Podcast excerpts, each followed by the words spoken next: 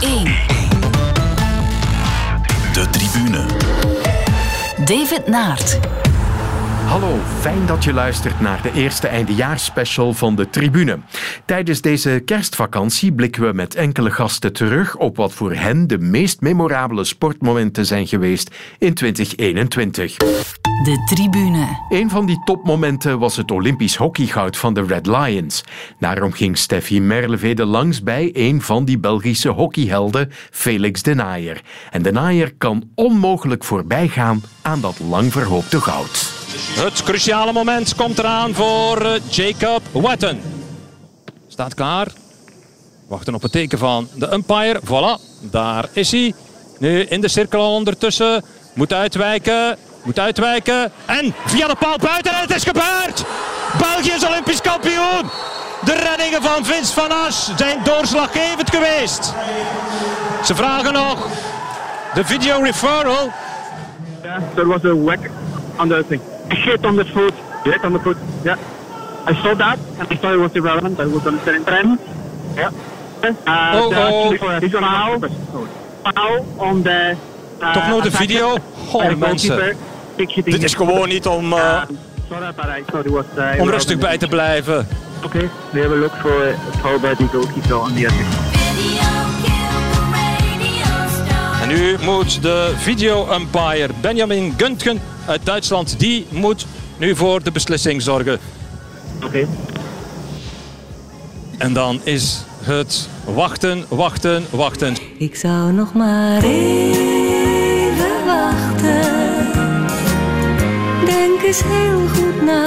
Waarom zou je zo haastig beslissen? Je kan je vergissen. Dus Blijf duren. even wachten. Zeg het. Voor alle zekerheid nog maar even wachten. Martin, I have a decision for you. Yep. It touched the player, but not deliberate. So therefore you can award a retake and they keep the refer. Oh my god. De Poolse scheidsrechter eh, Marcin Brochal legt het nu uit aan Felix de Naaier. En ze dachten dat ze Olympisch kampioen waren. Maar nu mag hij toch nog eens. Dit hou je gewoon niet voor mogelijk.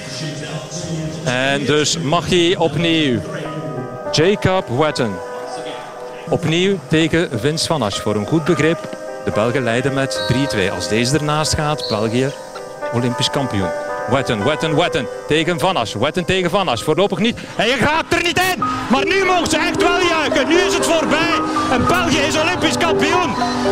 Ze hebben een droom waargemaakt. Wetten geraakte er niet voorbij. Ze bestormen met z'n allen Vince Van As. En dit is het moment van de ultieme ontlading. Dit is het allermooiste geschenk dat ze zichzelf kunnen geven. Na jaren van opoffering, na jaren van intens samenwerken met een echte vriendenbende, nu zijn ze Olympisch kampioen. En dit is het allermooiste moment van de hele historie van de Red Lions. Ze vallen daar in mekaars armen. De kerpel springt in de nek van Vince van Asch. Felix de En Naaier, hij staat jou prachtig. Hier is ze. Zo echt voor geweest. Enorm trots op de hele groep. Echt eh, fantastisch. Ja, het is echt grappig om eh, dat moment terug te beleven met, met heel veel verschillende mensen. Omdat inderdaad eh, die volle emotie komt terug. En sommigen zeggen, ja, ik voelde mijn handen niet meer. Anderen zeggen, ik moest gaan wandelen. Andere mensen zeggen, ja, op het moment viel het scherm uit. En het was heel tof om, eh, om dat moment ook achteraf te delen met heel veel mensen. Maar ja, op het moment zelf was eh, ja, de spanning ontzettend, ontzettend groot. Uiteindelijk winnen we hem dan, maar gaan ze terug naar eh, ja, de videoreferee. Dat duurde heel lang, dus dat is nooit goed teken. Eh, en ik denk dat de persoon in kwestie vooral niet wou beslissen. En dus die dacht, als ik hem nu terug laat nemen, dan is het eigenlijk out of my hands. Maar als je terugkijkt, had dat eigenlijk nooit mogen gebeuren. Gelukkig hadden we in het verleden een paar keer die ervaring gehad. En moet ik zeggen dat onze keeper weer, uh, Vincent Van Asch, weer ja, ontzettend groot was. En uh, die heeft gewoon zijn helm terug aangetrokken. Die is terug vol in die focus en vol in die flow kunnen geraken. En die heeft die laatste dan opnieuw gepakt. En dus nu zeggen we, het is op zich wel mooi dat je op ja, vijf minuten tijd twee keer Olympisch kampioen bent geworden. Maar ja, echt een thriller. Kan me inbeelden, dat gevoel bij jullie op dat moment dat het opnieuw moest gebeuren, ja, dat moet vreselijk geweest zijn. Je probeert je echt te isoleren van al die gevoelens, maar dat is echt heel moeilijk. Dus je probeert echt eh, in een soort van tunnelvisie te geraken om ehm, niet te denken aan wat er kan gebeuren, wat er vooraf is gegaan, maar je echt te concentreren op het moment. Maar ja, op dat moment komt er zoveel binnen. Het is eh, echt, echt bijzonder. Dus uh, voor mij persoonlijk heeft het ook wel een tijd geduurd voordat ik begon door te sijpelen. Ja. Maar ja, als je dan uiteindelijk elkaar, ja, allemaal op elkaar springt, elkaar vastpakt, elkaar in de ogen kijkt en dan dat rustig gaan beginnen door te sijpelen, niet alleen dat moment, maar inderdaad al die jaren daar naartoe, dan kun je alleen maar ontzettend trots zijn. Dus die ontlading na de finale was niet alleen van die finale, niet alleen van deze Spelen, maar eigenlijk van jarenlang. Ja, ja zeker. Dus je hebt de medaille gevoeld, die is zo zwaar. Ik vind dat ook echt wel mooi symbolisch, omdat er heel veel bloed, zweet en tranen in zitten, zeg maar. En ze zeggen, hè, the journey is more rewarding than the top. Er zijn mijn eerste toernooi was in onder 16 in 2006 in Dublin. En daarvan zijn er zeven jongens van diezelfde generatie. Heel die, hebben die heel dat verhaal meegebouwd. En dus bijna de helft van de ploeg is die groep. En dan heb je nog een aantal jongens er iets ouder en iets jonger. Dus het is echt wel iets uniek geweest. Met een uh, heel groot aantal jongens die elkaar ontzettend goed hebben leren kennen ook. En dus al die hoogtes en laagtes hebben ervoor gezorgd dat die emoties ja, zo groot waren inderdaad op het moment.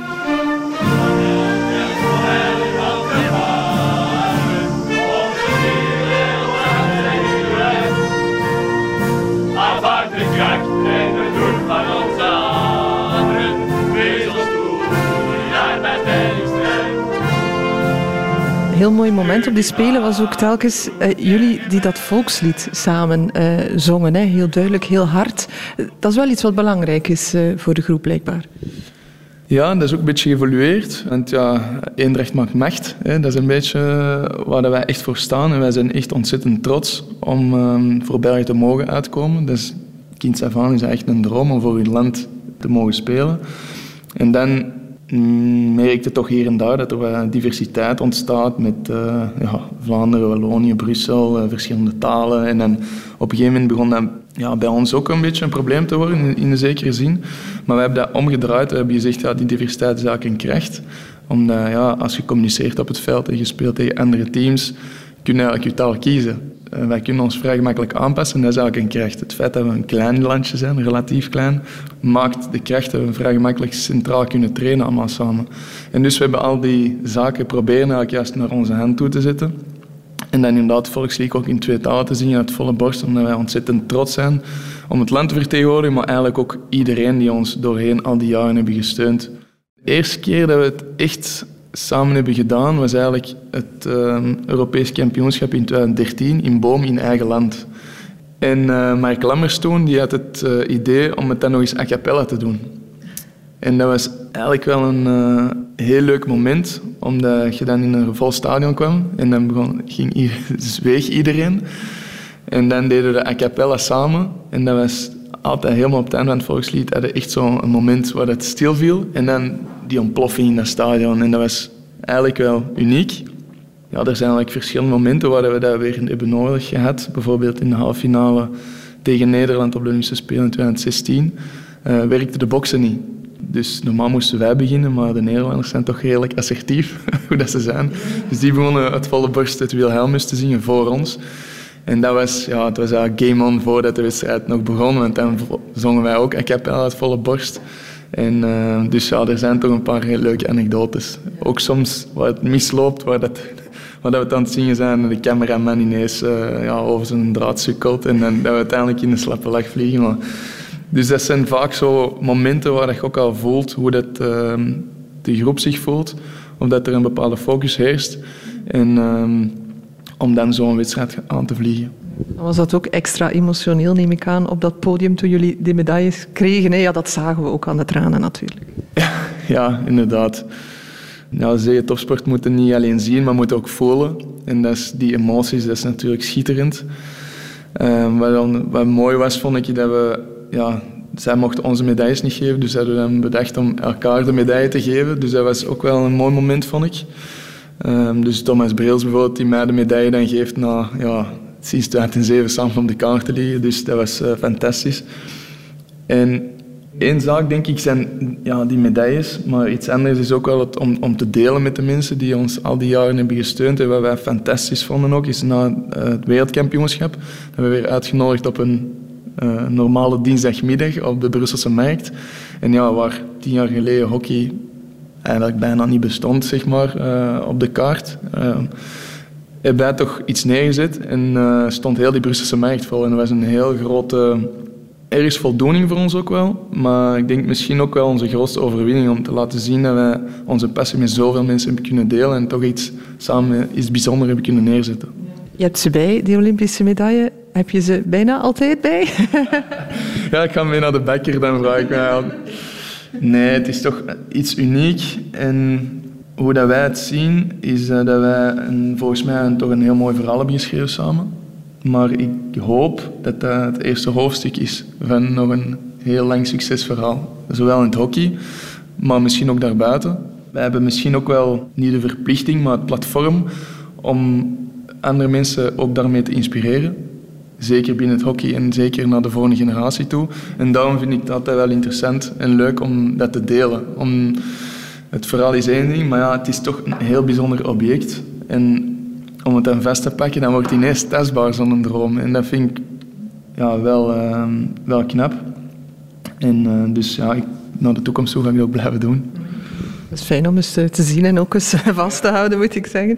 Die Olympische titel nu, heeft dat voor jou persoonlijk veel veranderd eigenlijk?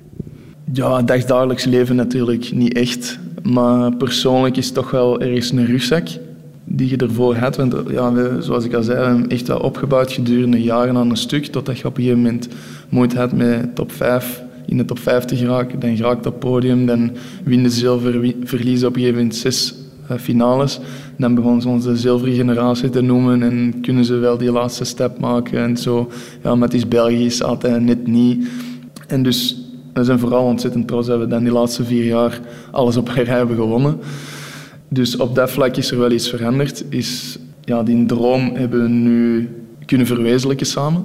En nu is het op een gegeven moment, ja, uh, hoe kom je van die top van een berg terug naar beneden? Ja, dat wou ik vragen. Hoe, je hebt het allerhoogste ja. bereikt. Hoe, hoe, ga je dan verder? Ja, ja dat is uh, een uitdaging. Want uh, als we verder doen met hoe dat we ervoor werkten, dan denk ik dat, we, het niks wordt in de toekomst.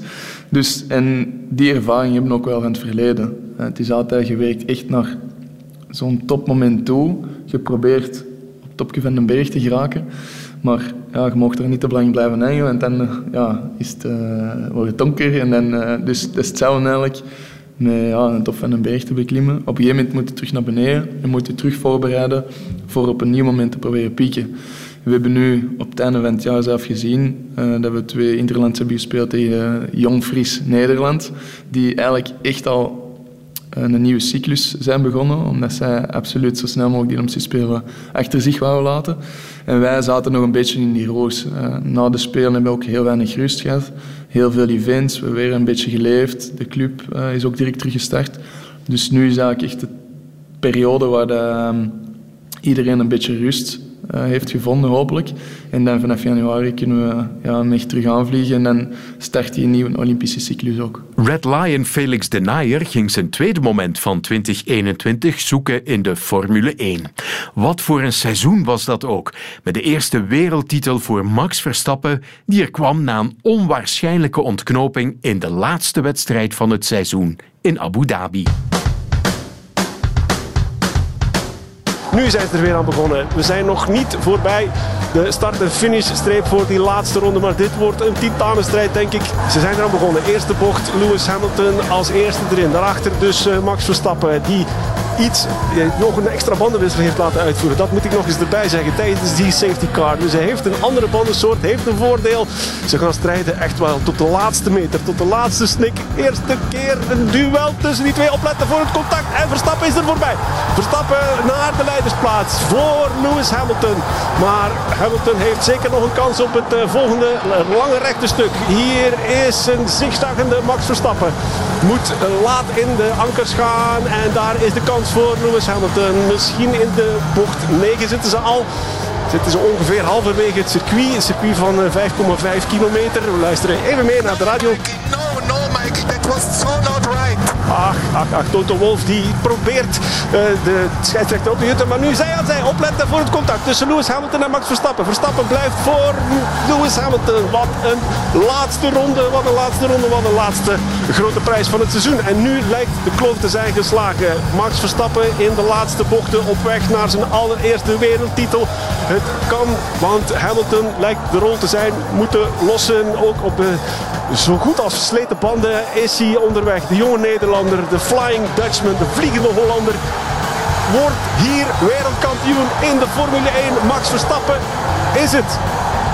Onze halve Belg heeft Lewis Hamilton achter zich gelaten. Wat een ontlading zien we hier ook aan de pitmuur bij Red Bull Honda. En wat een ontknoping, wat een apotheose. Wat een moment, wat een moment. 12 december 2021. Kijk ook de meegereisde fans. Die gaan uit het dak. Oh!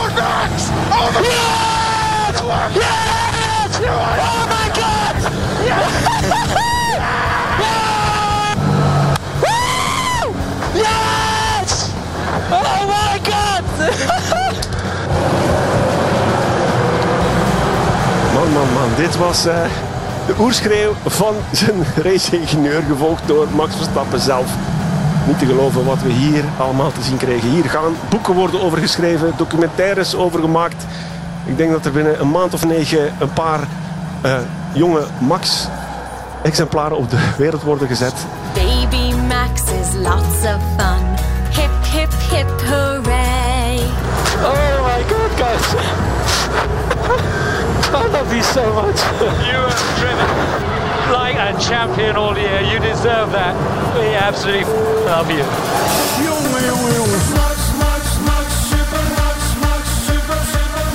Het was een fantastische ontknoping van een ongelooflijk seizoen. Hè. Ik moet zeggen, ik volgde de Formule 1 niet heel veel toen ik jong was, maar ik heb wel de herinnering dat ik uh, vaak met mijn grootvader de Formule 1 heb gevolgd.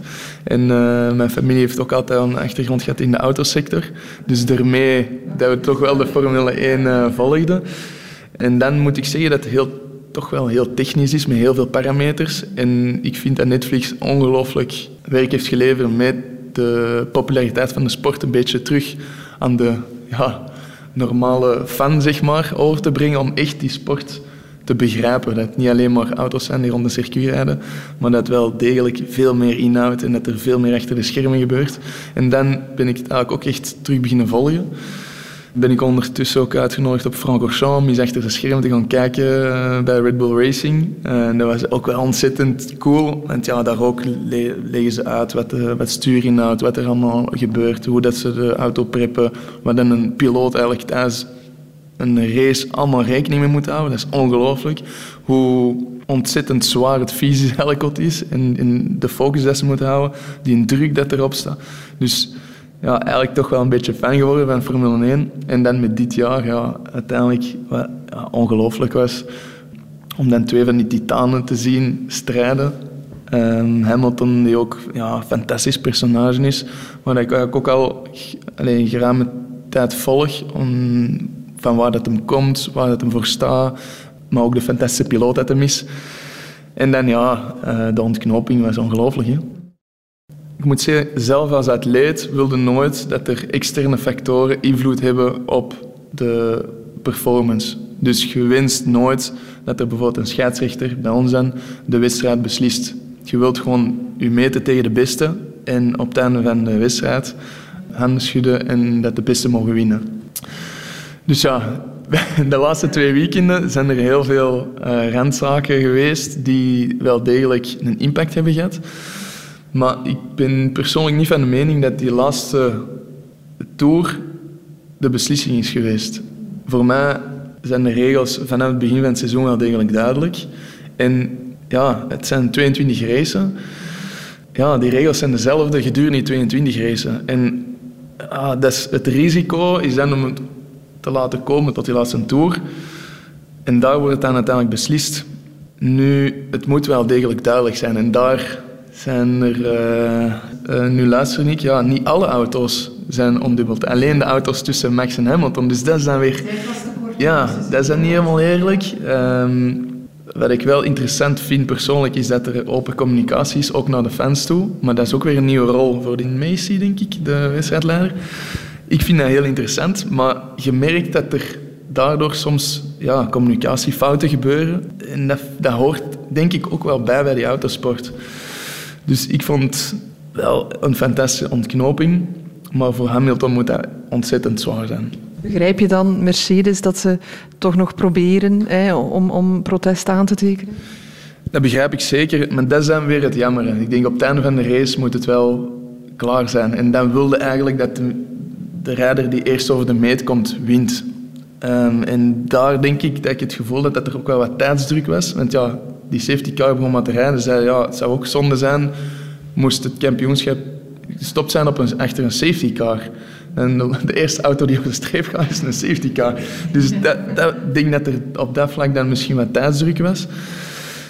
Maar ja, het was, was ja, wachten op wat er ging gebeuren, want er was veel onduidelijkheid. Maar dat, naar de toekomst toe denk ik misschien dat ze daar wel iets duidelijker in moeten gaan zijn. Zat jij dan te supporteren voor Max Verstappen of voor Lewis Hamilton? Ja, ik bewonder Hamilton ontzettend hard voor alles wat hij heeft gedaan, waarvoor hij staat als atleet. En Max vond ik heel interessant ja, als jonge wolf. En ik denk ook dat hij persoonlijk het beste seizoen heeft gereden. Natuurlijk, het is geen ja, individu alleen, maar het is een heel team. Ik moet zeggen, ik had wel het gevoel dat Mercedes iets meer ervaring had in die omstandigheden. Die bleven iets rustiger.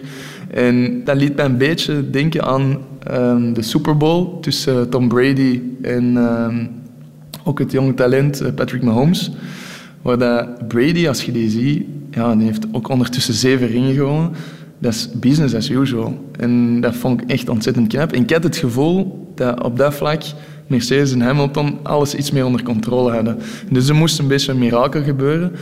En uiteindelijk ja, heeft Max het kunnen doen wat ik zeker niet onverdiend was. En dat vond ik ook wel fantastisch. En als ik er dan nu terug over nadenk, ja, Hamilton kon dan voor echt keer wereldkampioen worden en ja, het record verbeteren. Nu vind ik het ook wel interessant dat Max een eerste titel wint en dat Hamilton echt nog door moet de komende jaren. Want ja, heel het Formule 1 gegeven gaat weer helemaal veranderen. Alle regels gaan uh, door elkaar gehaald worden, de auto's worden weer anders volgend jaar. Dus hopelijk blijft Hamilton dan echt hongerig naar dat record. Dus. Denk je dat hij doorgaat? Want ja, hij liet er een beetje twijfel over bestaan. Hè? Ook vorig jaar was het al lang onduidelijk. Gaat hij nog doorgaan of niet? Ja, wel, misschien met die echte titel was het klaar geweest. En nu, ja, hij is natuurlijk competitiebeest en leeft van records toch wel. Dus daarmee hoop ik dat Max nu een beetje olie op het vuur heeft gegooid en dat hem wel degelijk doorgaat. Want het was ook wel een ontzettend leuke ehm, ja, wedstrijd tussen die twee uh, toppers ja, dat smaakt naar meer. En dus hopelijk zien we dat volgend jaar en de komende jaren ook nog.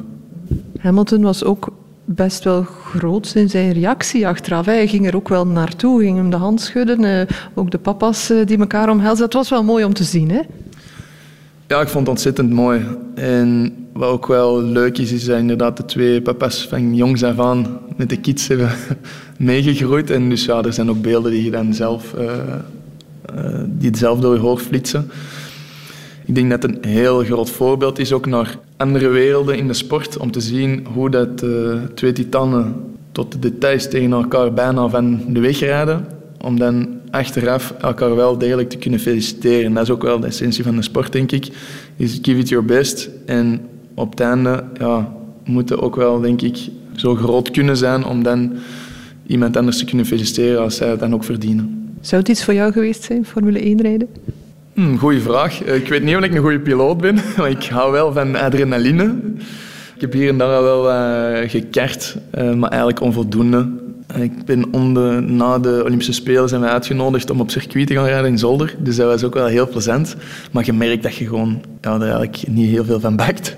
Dus het is zo moeilijk en je beseft dan pas als je echt achter een stuur zit of zelfs in een simulator. Als je dan alle hulp afzet, ja, dat is een halve seconde focus weg en je ligt eraf. Uh, een halve seconde te laten remmen en je slipt door. En ja, het is ongelooflijk hoe die uh, drivers één zijn met hun wagen en hoe dat die ja, door dat circuit scheuren. Dus ik was echt, echt onder de indruk. En hoe meer dat je leert kennen, hoe meer dat ik eigenlijk onder de indruk ben.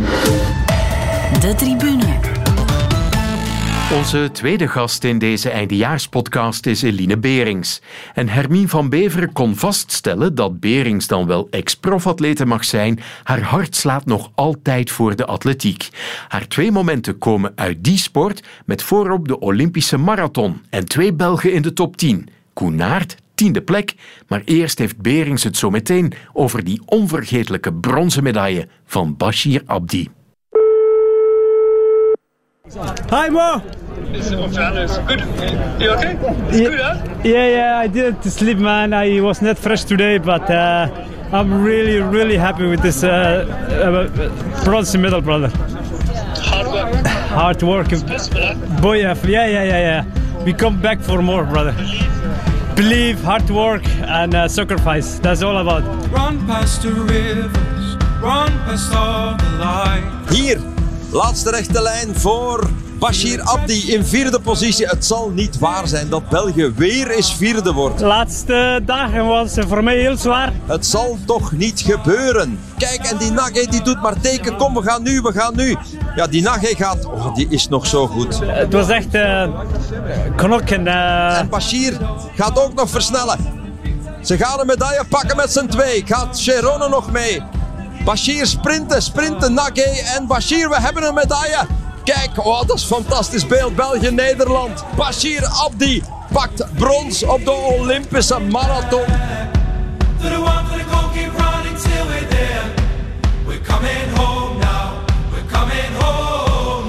Home, I'm home. Je bent er. Gaat het? Want je hebt een beetje kramp of uh, bent heel diep moeten gaan, neem ik aan. Ik kan uh, dit niet beschrijven. De laatste dagen was voor mij heel zwaar. Ik ben uh, 30 juli aangekomen in Japan.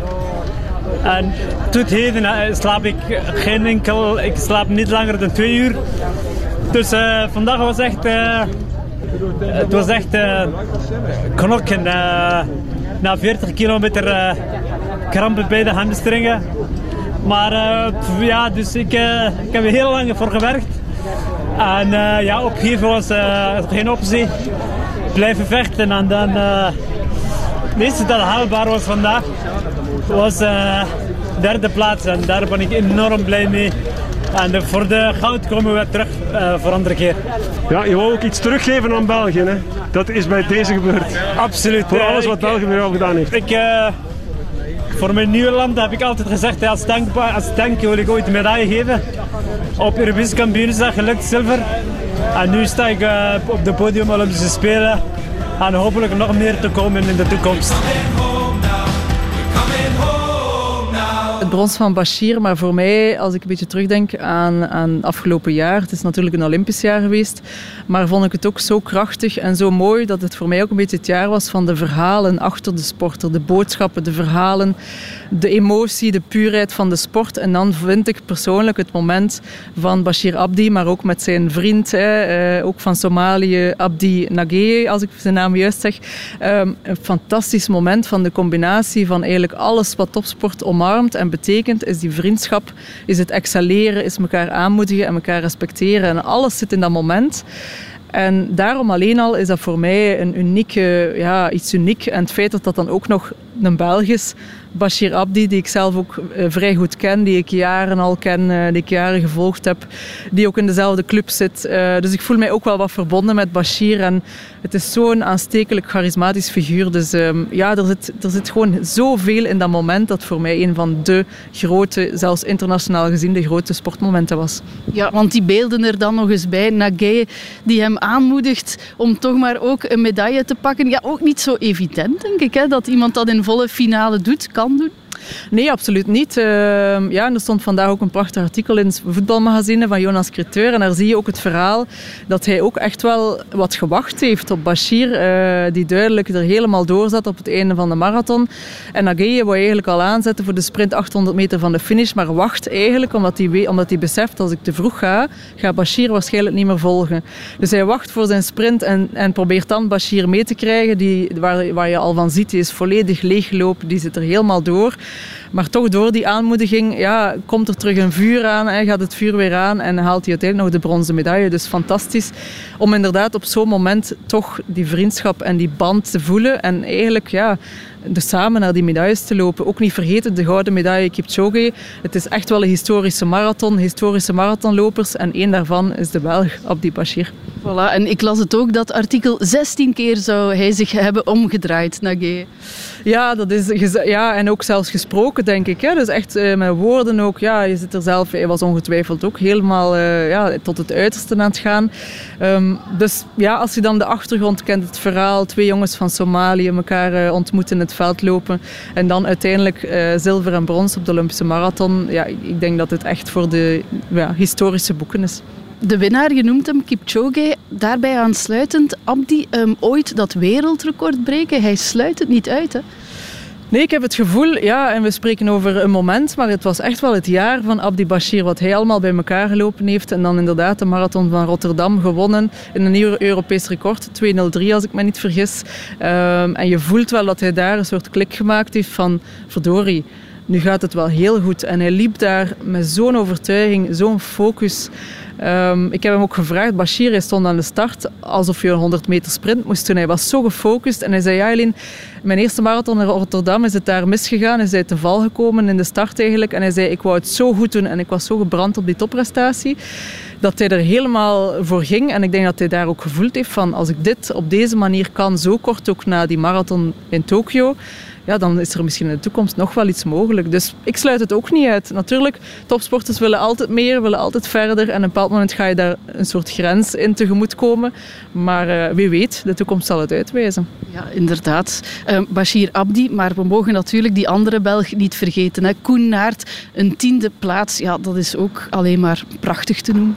Ja, en Koen heeft een klein beetje daar het nadeel dat we natuurlijk met Bashir zitten. Uh, maar Koen loopt een tiende plaats inderdaad op die marathon. Ook al fantastische ja, prestaties bij elkaar gelopen. En je moet het toch wel wat vergelijken dat we eigenlijk twee Belgen hadden. Ja, net wel of net niet in een finale, bijvoorbeeld de 100 meter finale op de sprint. Stel je voor dat we daar een bronzen medaille en een, en een tiende een net niet finale zouden of net wel finale zouden hebben. Dat niveau heeft Koen ook getoond op die Olympische marathon. Um, wordt soms een beetje vergeten, uh, jammer voor hem, maar dat is natuurlijk de realiteit soms van topsport. Hè, als je, als je ja, dit soort concurrenten hebt en collega's hebt. Um, maar fantastisch ook. Um, en ook wat, wat heel mooi was, was opnieuw ook de eerste reactie van Koen Naert als hij over de meet kwam was vragen, heeft, Bashir, heeft Bashir de medaille? Heeft hij, heeft hij brons? Heeft hij de medaille? Dus je ziet ook daar toch wel die connectie, die vriendschap opnieuw, dat respect opnieuw, uh, dat echt wederzijds is ook. En, en ook daar opnieuw een prachtig verhaal, denk ik. Zeker. En voor Koen Naert, ja, hij heeft intussen Valencia gelopen, maar niet al te optimale omstandigheden. Zit er bij hem nog, nog rek op, denk je? Dat is natuurlijk altijd een moeilijke, ja, een moeilijke inschatting als buitenstaander. Maar Koen is ook iemand die heel hard werkte, die heel disciplineerd is. Uh, die Europees kampioen was in 2018, daarna wat moeilijkheden kende. Denk ik ook wel zichzelf wat overtraind had, wat overdaan had, wat blessures opgelopen. Heeft naar mijn gevoel nu terug een perfecte balans gevonden. En ik denk als Koen het kan opbrengen om dit strikte trainingsregime, want een marathonloper dat is echt wel eten, trainen, slapen en niks anders. Lopen, lopen, lopen, kilometers in de bergen in Afrika en Kenia alleen. Um, als hij dat allemaal nog kan opbrengen en ervoor gaan, dan denk ik dat we ook van Koenaert nog veel kunnen verwachten. Ik begrijp ook dat hij echt wel op gebrand is om het oude basisrecord eh, van Vincent Rousseau ook nog te verbreken. Hij zit daar nog net boven. Ik voel ook van hij wil daar ook echt wel nog onder. Um, dus ja, ik denk ook van Koen dat we nog wel het laatste niet gezien hebben. Ja, wordt een boeiend jaar, denk ik. Hè. Het jaar dat komt voor de Belgische atletiek in het algemeen. En zeker kijken wat er verder gebeurt op die marathon. Ja, niet alleen in de marathon. Ik heb wel het gevoel, uh, inderdaad ook in atletiek, dat we wel met een generatie zitten waar heel veel potentieel zit. Uh, we hebben nu ook gezien EK veldlopen, hè, met een mooie, mooie vijfde plaats van Somers. Je ziet gewoon, er zijn heel veel jonge talenten die opkomen, die dromen, die geloven, die ambitie hebben en die het ook samen doen. Er is een soort samenhorigheid in, die ambitie. En uh, ja, ik kijk eigenlijk enorm uit naar de toekomst. De atletiekcompetitie in Tokio leverde vele onvergetelijke momenten op. Eline Berings wil nog eens blijven stilstaan bij de hoogspringfinale bij de mannen. Een competitie die twee gouden medailles opleverde. If he jumps this, Tamberi of Italy wins the gold medal. If he fails at this attempt, we will go to a jump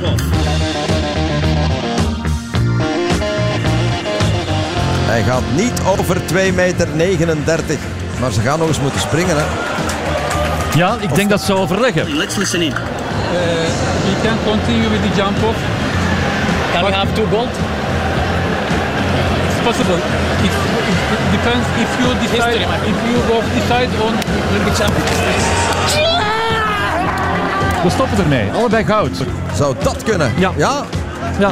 ja. Ze mochten kiezen. Ja, fantastisch.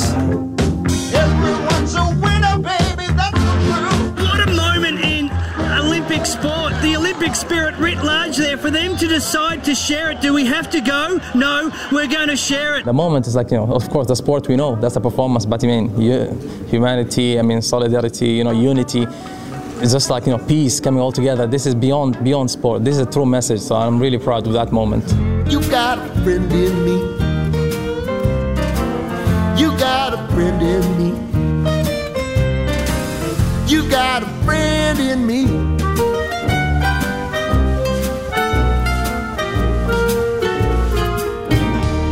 Ja, dat is uh, de finale tussen de Italiaan Gianmarco Tamberi en uh, Moutas Bashim, Qatarees. Uh, ja, twee vrienden die eigenlijk een heel gelijkaardig verhaal hebben en die op de Olympische Spelen op een bepaald moment ex op de eerste plaats staan. En in principe in het hoogspringen moet je dan een soort barrage gaan springen om echt uit te maken van wie is kampioen en wie wordt dan tweede.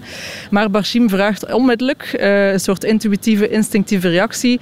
Kunnen we het goud ook gewoon delen? Kunnen we dus met andere woorden stoppen met springen, allebei?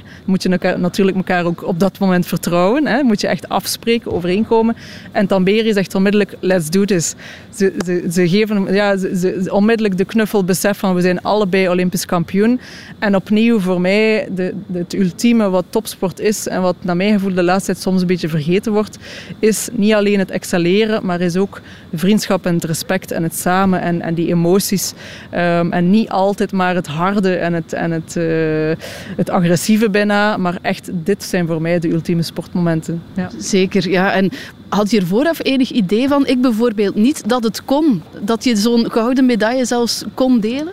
Nee, dat is iets dat veel mensen zeiden van wauw. Daarom dat het ook zo spectaculair is dat hij het eigenlijk onmiddellijk de vraag stelt. Hè? Want het is eigenlijk, ik denk dat de meeste sporters niet eens weten dat dit kan of dat het kon. Het is ook uniek. Uh, het is natuurlijk ook heel uitzonderlijk dat je ja, een ex hebt voor een gouden medaille. Maar in het hoogspringen kan het soms wel een keer natuurlijk.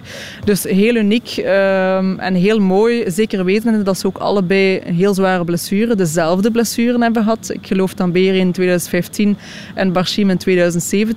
En ze hebben in heel het proces, vergelijkbaar met Abdi en, en Nagé, in heel het proces elkaar blijven stimuleren, motiveren. Terwijl het de, de grootste concurrenten van elkaar zijn, hebben ze elkaar blijven aanmoedigen om daar ook door te geraken, om terug op het hoogste niveau te geraken. En om dan samen Olympisch goud te winnen.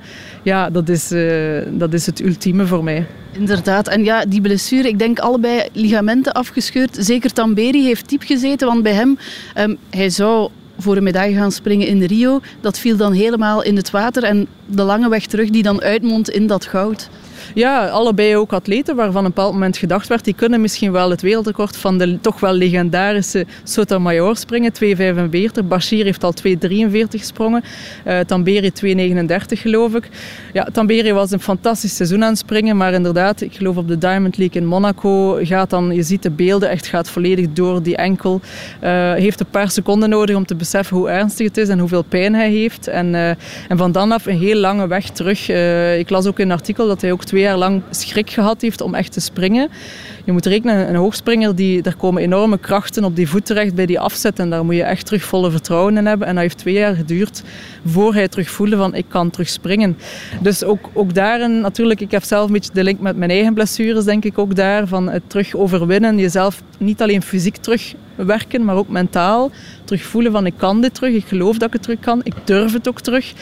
Um, ja, daarom, er komen zoveel verhalen in, in dat ene moment, dat Olympische moment samen, wat het, wat het zo uniek maakt. Ja, twee prachtige momenten gekozen van de Olympische Spelen. Maar ik denk niet toevallig deze Spelen. Je had bijvoorbeeld ook Simone Biles met de twisties. Het zijn Spelen geweest op een manier anders dan anders. In die zin dat ja, er komt ook meer aandacht voor, voor andere dingen. Een beetje de maatschappij in het algemeen en, en de sportwereld die volgt, zoiets.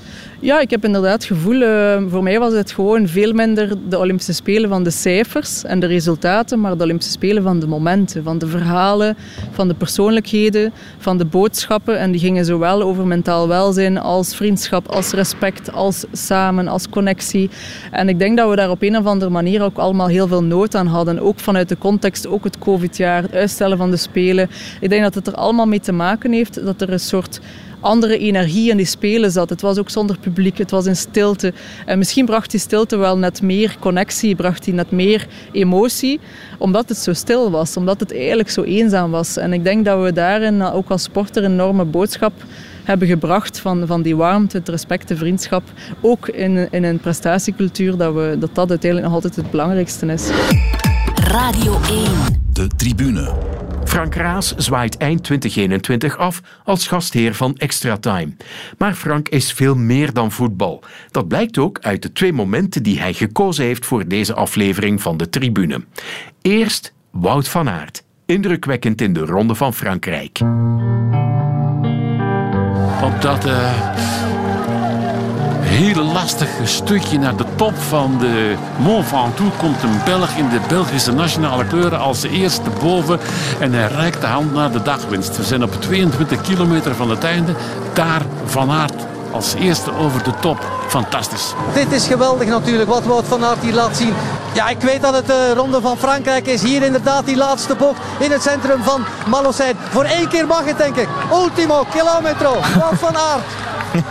Absoluut. Hoedje af voor deze Wout van Aert. 800 meter nog. Wout van Aert, van harte gefeliciteerd. Je wint de rit met een dubbele beklimming worden van toe in de Tour.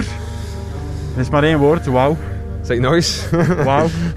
en ik denk dat er dadelijk tranen gaan vloeien. Heeft het bijzonder moeilijk, kust de linkerhand en beseft eigenlijk zelf niet wat hij hier heeft gerealiseerd. Dit hebben we hem nooit zien doen, het neenschudden. Zelfs die fantastische overwinning in Milaan Sanremo gaat recht staan op de pedalen en dankt alles en iedereen de handen en de vuisten wijd. Wout van Aert wint een dubbele Ventoux-beklimming etappe in de Ronde van Frankrijk 2021. Uh, ja, het is natuurlijk... Uh ja, de droom hiervan, maar dat dat gaat lukken, dan, uh, ja, dat durven ze niet te geloven. Dus uh, ja, het is echt een fantastisch gevoel en uh, zo'n speciale rit, zo'n iconische berg. En ja, het is, het is me wel wat.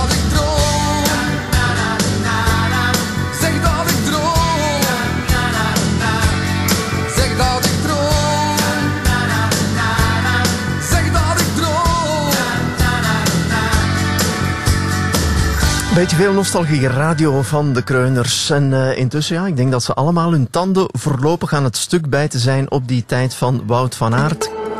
Sport. Wout van Aert heeft de voorlaatste rit in de Tour gewonnen.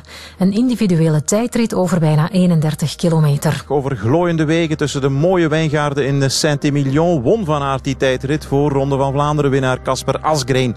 En na de Ventoux is dit zijn tweede ritoverwinning, zijn vijfde al in zijn carrière.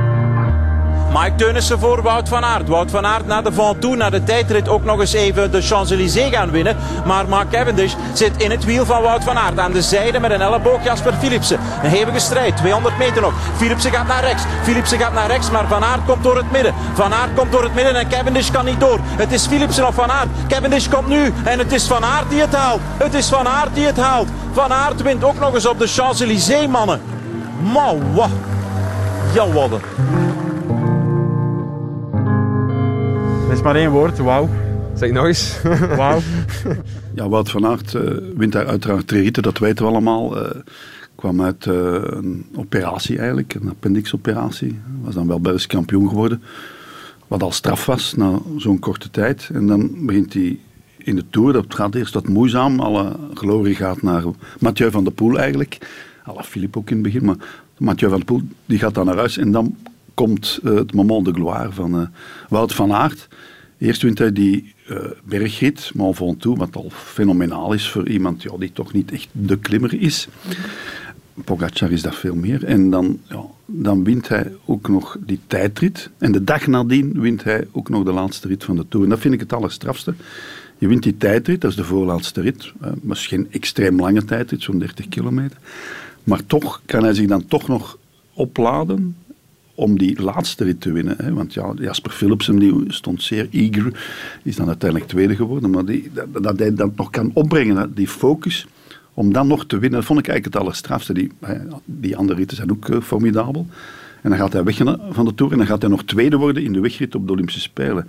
Kan hij zich daar weer ook verzetten. En eigenlijk was hij daar de beste man in koers, dat weten we allemaal. En dan pas nadien, voor die tijdrit, is zijn bombijn een beetje afgelopen. Dus, maar ik vind die toerrit net na een fantastische prestatie, dan denk je, ja, voldaan. Ook, ja, bent ook zeer diep gegaan, fysiek en mentaal, om die tijdrit te winnen. Hij wint die dan tegen de specialisten Kung en ja, noem ze op, Asgreen.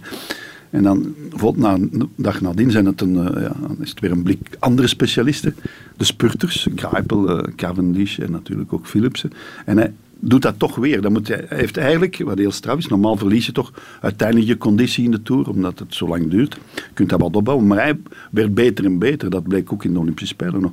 En dan uiteindelijk toch de klop gekregen. Die, ja, ik vind dat zeer, zeer straf. En hij is ook zeer natuurlijk. Hij is zeer gewoon. Hij heeft iets tombonenachtigs. Hij is zeer transparant in zijn manier van communiceren. Uh, bij Evenepoel vind ik dat iets moeilijker. Die, die, die is bezig met ambities. Maar hij, Wout van Aert, ja. Ik heb uh, lang het wielrennen zowel links laten liggen, moet ik zeggen. Vroeger was ik zeer geïnteresseerd. Maar dan is er zo'n periode. En dan sinds Van de Poel, noemt ze maar op, Philippe natuurlijk, Pogacar en Wout van Aert, is mijn interesse weer volledig gewekt. En heb ik alles gezien, ook door corona. Moest er wel thuis zitten. Maar ik heb veel keren de Tour niet kunnen zien, wegens ja, op een groot toernooi of met vakantie of zo. Maar nu heb ik dat allemaal kunnen zien, omdat het wel moest. En de data werd dan ook wat verschoven van een aantal koersen. Dus ik ben echt wel een wieleradept opnieuw geworden. Ik was dat ook wel, hè. maar ik ben dat helemaal opnieuw geworden. Ja. Want de eerste quizzen op de radio over de Tour de France heb ik nog in elkaar gestoken. Hè. Samen met Jan Wouters. Ja. Lang geleden. Dat is lang geleden intussen. Die ritoverwinning op de Champs-Élysées, eh, of die drie ritten in de Tour, tonen ook dat hij ja, op alle fronten mee kan. Hè? Want inderdaad, een bergrit, een tijdrit en dan nog een spurt. hij kan het allemaal. Ja, dat is ongezien, hè? want zelfs Pogacar kan dat niet. Hè? Die kan misschien wel meedoen in die spurt op de Champs-Élysées. Die zal wel ook tijdritten kunnen winnen als het echt moet, moet. Maar toch, die doet het uh, iets minder allround dan Van Aert. En hij gaat nu volgend uh, jaar voor de groene trui, heb ik begrepen, in de Ronde van Frankrijk. Maar als hij hij kan, kan zich enorm focussen. En wat ook is, hij zit zeer mooi op zijn fiets, vind ik. Hij zit zo een beetje gebeeldhouwd. Dat beweegt allemaal niet te veel. En nadien kan hij altijd een zeer nuchtere analyse geven. Zelfs één minuut na de koers komt dat er allemaal zeer vlot uit. Dat is nu bij anderen ook wel. Maar hij heeft dat wel, vind ik. Vind, uh, ja, ik kan me er wel mee verwant voelen. Ik vind dat goed. Hij gebruikt ook zelden echt uh, hoge woorden. Of, maar hij zegt gewoon, ja, ik ben ambitieus zonder dat echt uh, te benadrukken. Zo van ja, ik ga voor de overwinning. Ik wil dit, ik wil dat. Maar... En dan, ja, meestal lukt dat dan ook nog. Hè. Dus dan, dat maakt hem ook zo sterk. En, en hij heeft toch samen met Van der Poel, want ik ben ook een Van der Poel fan, moet ik toegeven, want ik woon in de buurt daar. Hè. Hij woont uh, niet zo ver van mij vandaan. Die, die, ja, ik vind die tegen elkaar en hoe die elkaar wel respecteren zonder maten te zijn natuurlijk, dat is vrij logisch. En ja, Van der Poel heeft zich ook een beetje overschat toen met de Olympische Spelen. Is daar dan zeer zwaar uh, tegen de grond gestuikt. En een paar dagen voordien had ik hem nog in de stad in een restaurant gezien. Hè. Dus die anderen waren allemaal al weg, al die renners en die, ja, die mountainbikers. En Van der Poel die zat daar uh, Chinees te eten. Hij had ook ja, alles meegenomen wat ze niet hebben opgegeten. Ja, dat, dat mag, hè. Dat is goed, dat was nog over en dan kun je dat opwarmen de volgende dag. Maar van der Poel denk dat hij daar toch te laat is aangekomen.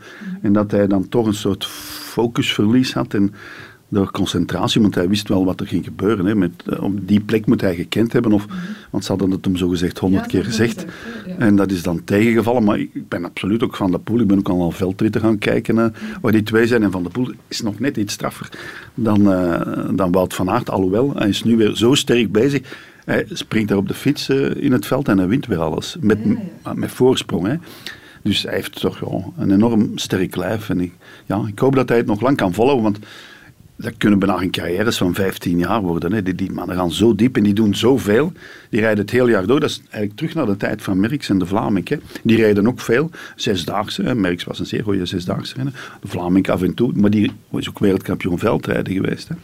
Dus die mannen combineerden. En dan nadien is dat allemaal specialisatie geworden. De Tour, Parijs-Roubaix. Was een, eh, nee, zij doen alles. Want Van Aert kan ook uh, de Ronde van Lombardije winnen. Of uh, Luik-Bastenaken-Luik. Dus dat is wel... Zou wij dan ook niet beter gaan specialiseren om zijn carrière inderdaad langer te laten duren? Ja, ik denk dat ze het al vaker gezegd hebben, maar dat hij dat gewoon niet doet. Nee, en ook, ja, waarom niet? Dan is de carrière maar twee jaar korter. Hè. Blijven aanmodderen zo als je wat ouder bent, dat is ook niks. Uh, dus, maar nee, ik, ik vind dat straf dat die mannen dat kunnen. Van de Poel ook, hè, die toch zo hard aan val is gekomen. Die wordt dan toch in Parijs-Roubaix nog derde en zo.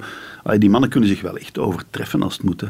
Maar wat we met Wout van Aert nu hebben, dat ja, mogen we ook niet onderschatten, denk ik. Enfin, om dat nog eens te krijgen in de komende jaren gaat heel lastig zijn als je kijkt naar wat hij doet. En dat is misschien eh, door het WK dat we hebben gehad, die ontgoocheling hè, op het einde van het seizoen, heeft dat allemaal een beetje overschaduwd misschien ja, toch? Ik vind dat dat echt zeer onterecht is. Hè, want, eh, want al wat hij voordien gedaan heeft, dat ja, verzinkt ja, wat, wat er op het WK gebeurt, verzinkt in het niet daarbij, vind ik. Natuurlijk, ja, het kan gebeuren. Hè. En Evenepoel heeft daar ook een beetje een dubbelzinnige rol voor mij gespeeld. Hij kon winnen, zegt hij dan achteraf. Ja, dan moet hij maar winnen. Hè. Maar ik vraag me af of hij achter Alaphilippe zou gegaan zijn. En ik, want ik zeg altijd, de grote winnaar van het WK is Patrick Lefevre. Heel eenvoudig. Punt. En uh, natuurlijk, Evenepoel is ook een fenomeen. Ik bedoel, enorme motor en zo. En we hebben die veel te hoog geblazen na die blessure.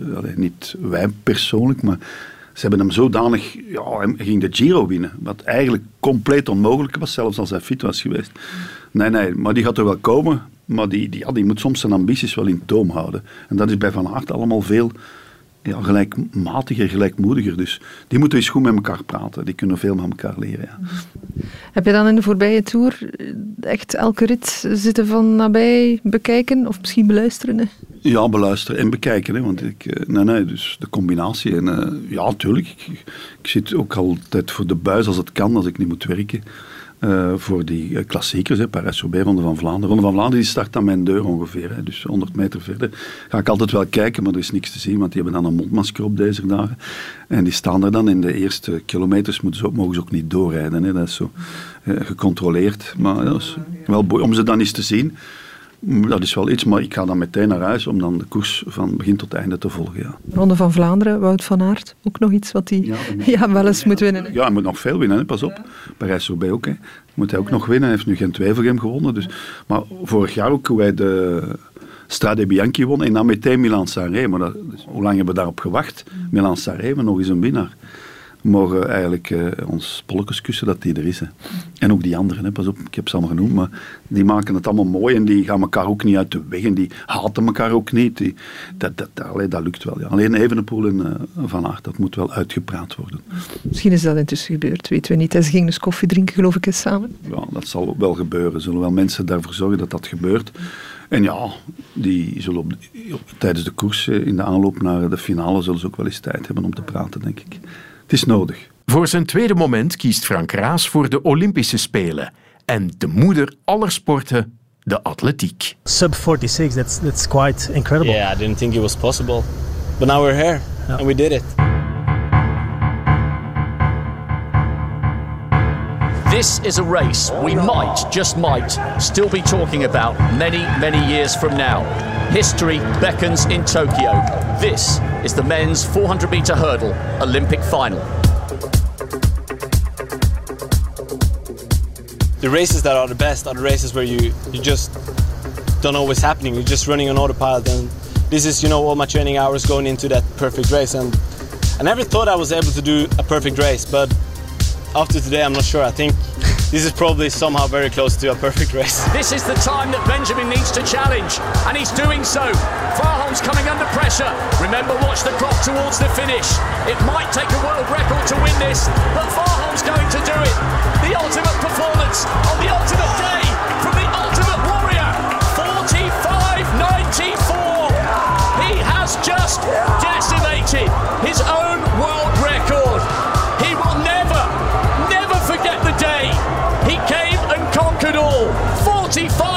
45.94. There is nothing, there is nothing this amazing Norwegian cannot do. Giving interviews after you've done something like this, that is, I'm very okay with it. And uh, you know, going through the first round and the semi-finals, I was just rushing through because I wanted to get ready for this race.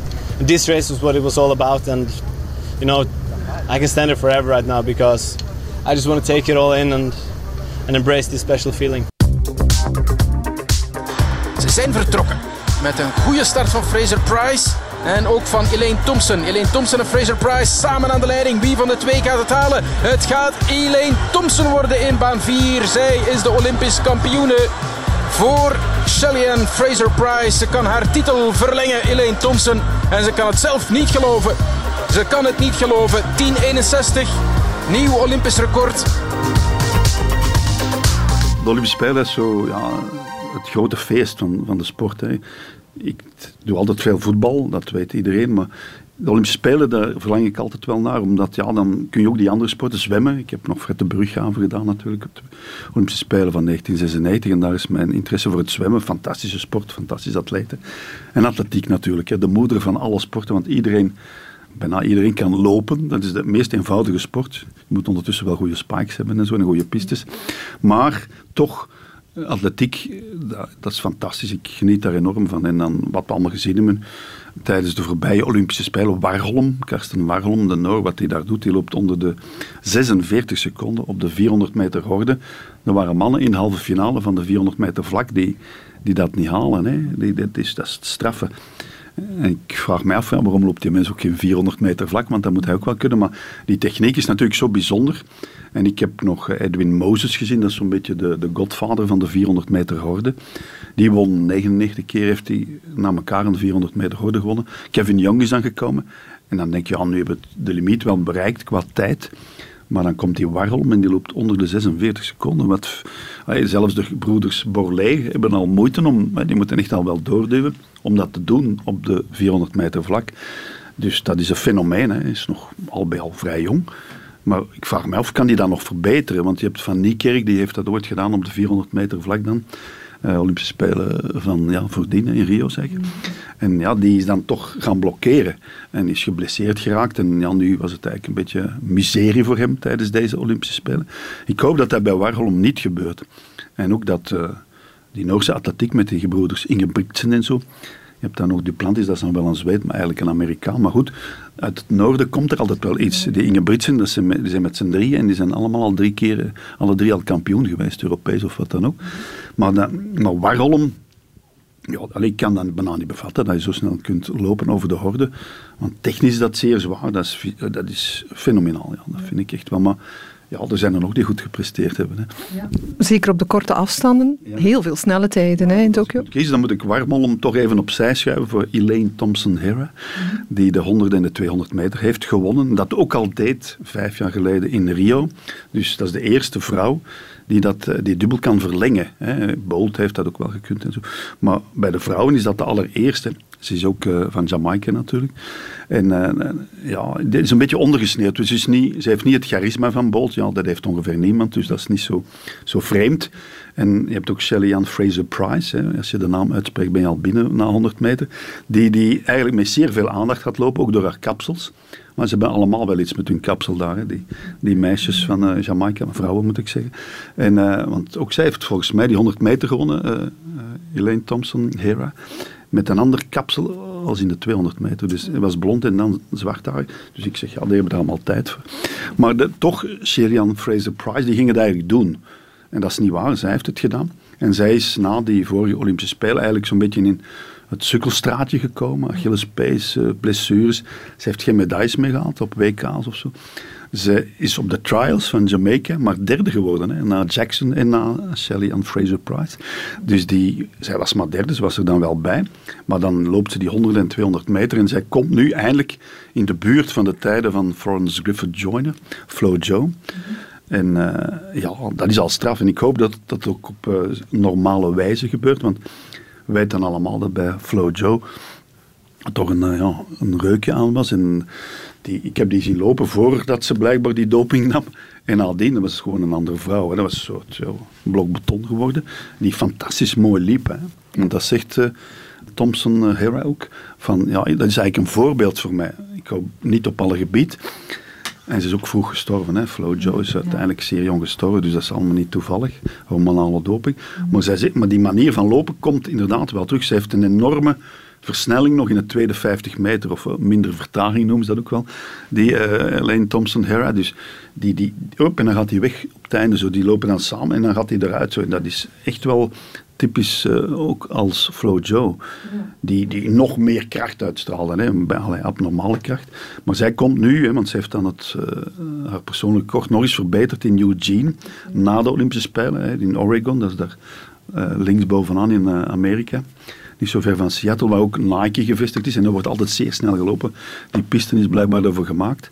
En daar heeft ze dat dan, ja, ik wou zeggen, bij het wereldkort verbeterd, maar dat is niet het geval. Maar van de normale mensen misschien wel. En ik hoop uit de grond van mijn hart dat ze dat zuiver gedaan heeft. Hè, want ja, je vraagt je dat toch altijd af. Hoe kan een mens, ook bij Warhol, hoe, hoe kan het? Kan dat altijd beter, ze zeggen dan voeding, hè, medische begeleiding, betere materialen, betere schoenen. Want betere pisten ook blijkbaar in Tokio. Pistes, ja. En het is ook zo dat Warhol heeft dat niet gedaan met die nieuwe schoenen. Hè. heeft uh, Warhol, om die nog even ertussen door te nemen. Maar Elaine thompson her ja, ik vind ook een heel mooie lopende atlete. En die heeft ook zoiets bescheiden, zo wat stil. Heeft ook nog blokjes in, uh, op haar gebit, zo gewoon om toch... Maar ja, ze heeft de stijl een beetje van Usain Bolt, maar natuurlijk niet ja, die enorme uh, ja, uitstraling van Usain Bolt, die eigenlijk daardoor alleen als een concurrent over blufte.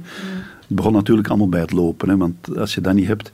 En toch, ja, als je kunt terugvechten na een enorm aanslepende Achillespeesblessure, daar nog terug bovenuit komen en dan die tijden lopen, want uh, eigenlijk moeten die van Flo Joe er uh, worden afgeveegd van de tabellen. Maar ze komt echt al in de buurt. Hè. Ze zitten nu 500ste af, geloof ik, op de 100 meter. Dus dat is uh, onwaarschijnlijk straf. Dat toch, ja, ik denk... Het zal toch moeilijk worden om die tijd van Florence Griffith Joyner, 1049 geloof ik, te verbeteren. Dat zou fenomenaal zijn. Maar ja, die, in Amerika hebben ze lang daaraan vastgehouden, hè, aan Florence Griffith Joyner, dat, dat dat proper was. Maar nu beginnen ze toch ook wel echt te zeggen dat het niet kan. Ook ja, door haar vroege dood en zo. Maar Elaine Thompson Harris, uh, ja, die mag van mij het wereldrecord verbeteren. Frank, je hebt niks van voetbal gekozen. Waarom? Nee, maar dat doe ik meestal niet. Want je kunt natuurlijk maar twee dingen kiezen. Dus Elaine Thompson Harris en die, uh, dan ook Wout van Aert. Ja, ik ben ook geboeid door andere sporten.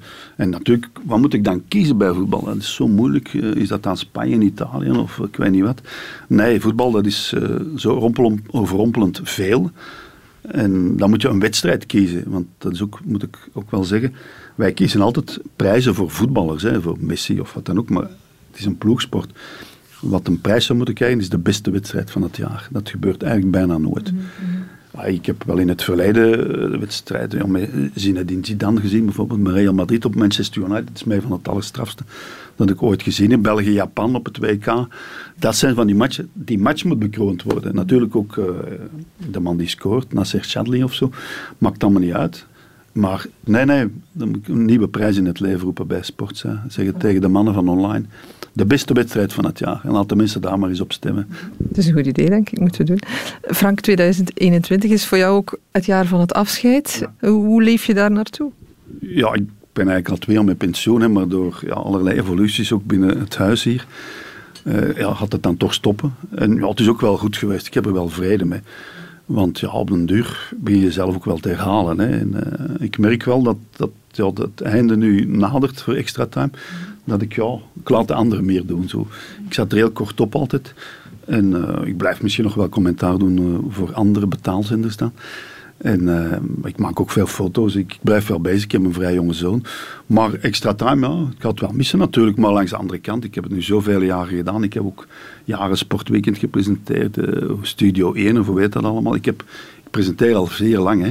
En op een duur ben je ook wel beu. Nu krijg ik ook veel aanvragen van kranten. En ik ga zoveel mogelijk af. Want wat moet ik nog allemaal zeggen? Nee, nee, laat me nu even gerust. Het is goed geweest, ja. Er naar uitkijken is veel gezegd, maar het mag wel gedaan zijn, ja. De laatste extra time voor jou, eh, gaat dat een speciale zijn? Of, of wil je dat liever gewoon zoals altijd? Nee, nee, moet absoluut niks speciaals zijn. Ik zou niet weten wat. Dat is, nee, nee, nee. nee gewoon uh, goedenavond zeggen, goeiedag en uh, we gaan naar huis. Ja. Ik vertrek de volgende dag naar de Verenigde Staten, naar New York, dus ik moet uh, op tijd thuis zijn. Geniet ervan in de Big Apple, Frank, en het gaat je goed. Dit was de eerste eindejaarspodcast van de Tribune.